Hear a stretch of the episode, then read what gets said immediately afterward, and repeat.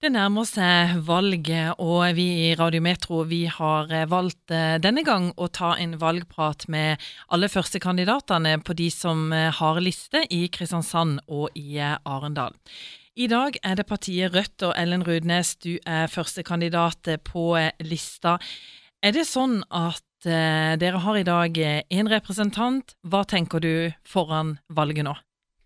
Dette blir et veldig veldig spennende valg. Eh, ved forrige måling som var lokalt, så lå vi inne med tre kandidater. Og Det er to mer enn vi har nå, så det hadde vært helt fantastisk. Men den siste mandaten vår den henger i en tynn tråd. Der var vi vel med 200-300 stemmer overvekt, så her håper vi at alle sympatisører kommer og går til valg, og at vi får dette til denne gangen. Hva vil det bety for eh, Kristiansand eh, dersom Rødt kom inn med tre representanter? Vi håper jo på at rød-grønt skal få flertall denne gangen. Og da håper vi virkelig på Og det er mulig for første gang på kanskje 72 år i Kristiansand. Eh, og da er det Rødts oppgave eh, å dra rød-grønt mot rødt. Eh, og sette eh, kanskje saker på dagsorden som ikke nødvendigvis andre tenker på. Vi skal snakke litt om eh, saker som vi vet eh, har engasjert befolkninga veldig. Vi skal snakke litt om kunststil, og nå er jo den vedtatt, men den skapte jo et eh, enormt engasjement i eh, folket. Hvorfor stemte Rødt mot? For oss handler det om prioritering av kulturmidler. Uh, dette her blir en økning på over 4 millioner i år i driftstilskudd. Varig økning i driftstilskudd for Kristiansand kommune. Og det er mer nesten enn det vi gir til frivillighet i Kristiansand fra før. Og det er en gal prioritering, mener vi i Rødt. Vi syns også at det var veldig merkelig at en person kan komme med sin pengemakt og så sette hele dagsordenen i Kristiansand, i motsetning til den politikken vi allerede hadde vedtatt. Vi har en plan om å satse på det kunstmuseet vi hadde. Vi hadde kjøpt bygningene rundt. Alt lå klart. Det var helt nyrenovert i forhold til eh, fuktighet og luft og klima og alt sånn. og så kommer det bare en med en god idé, syns han, og så spoler resten av byen etter. Så det, det er ikke en prioritering vi i Rødt ønsker å gjøre. Hva syns du om eh, engasjementet som har vært blant eh, befolkninga? Føler du på en måte at politikerne er gått litt imot det befolkninga ønsker? Det er vanskelig å si for meg, for det handler jo om uh, hvem man treffer. Og jeg treffer jo veldig mange som er enig med meg, men jeg skjønner jo at Furre antageligvis treffer andre mennesker. Så det skal jeg være litt ydmyk på, men den offentlige debatten og det engasjementet som har vært, kan jo tyde på det. Og vel også meningsmålingene vennen tok så var vel de fleste egentlig, eller mer enn 50% imot. En annen ting som eh, engasjerer, det er utvilsomt eh, bompenger. Eh, hva tenker Rødt rundt bompengesaken og, og, debatten? Er det sånn at dere ønsker at det skal bli dyrere å kjøre bil, og da økte bompenger i Kristiansand? Nei. For oss i Rødt så handler det veldig om å ha en rettferdig skattlegging. Og bompenger er ikke rettferdig. Det slår uheldig ut. Det er de som har minst fra før, som da betaler forholdsmessig mest for det. Så det vi ønsker, er at, eller det vi mener, det er at eh, veibygging, og egentlig sykkelstier og alt kollektivt også, all offentlig transport, det er det offentliges ansvar, og det må betales uh, av staten gjennom skattepengene våre. Og skattepengene det er en mer rettferdig innkreving, for da betaler du etter evne.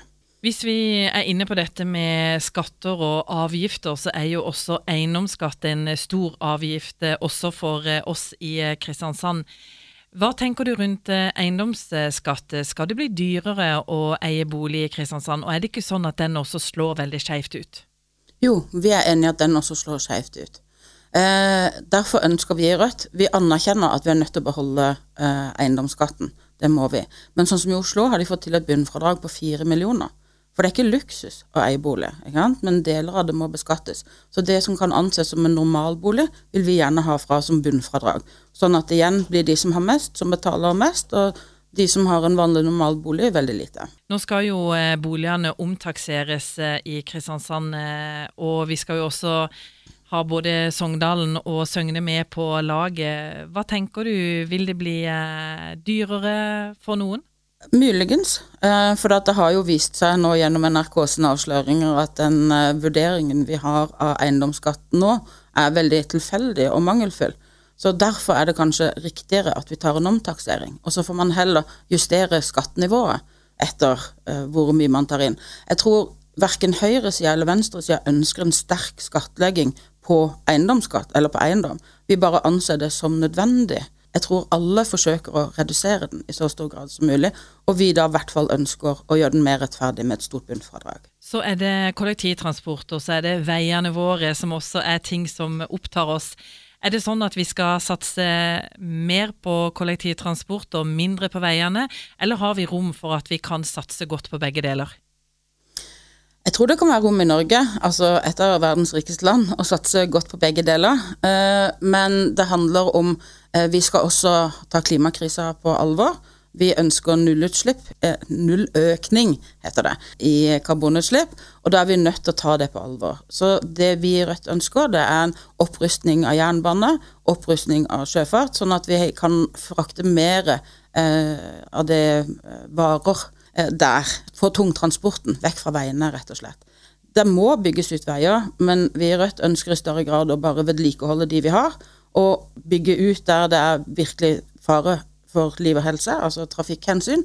Eh, men de her store utbygningene med firefelts felt rundt eh, Kristiansand, det støtter vi ikke. Der ønsker vi en minimering med tofelts istedenfor. Hvis vi ser på programmet til Rødt i Kristiansand, Ellen Rudnes, hvilken sak vil du trekke fram som din hjertesak?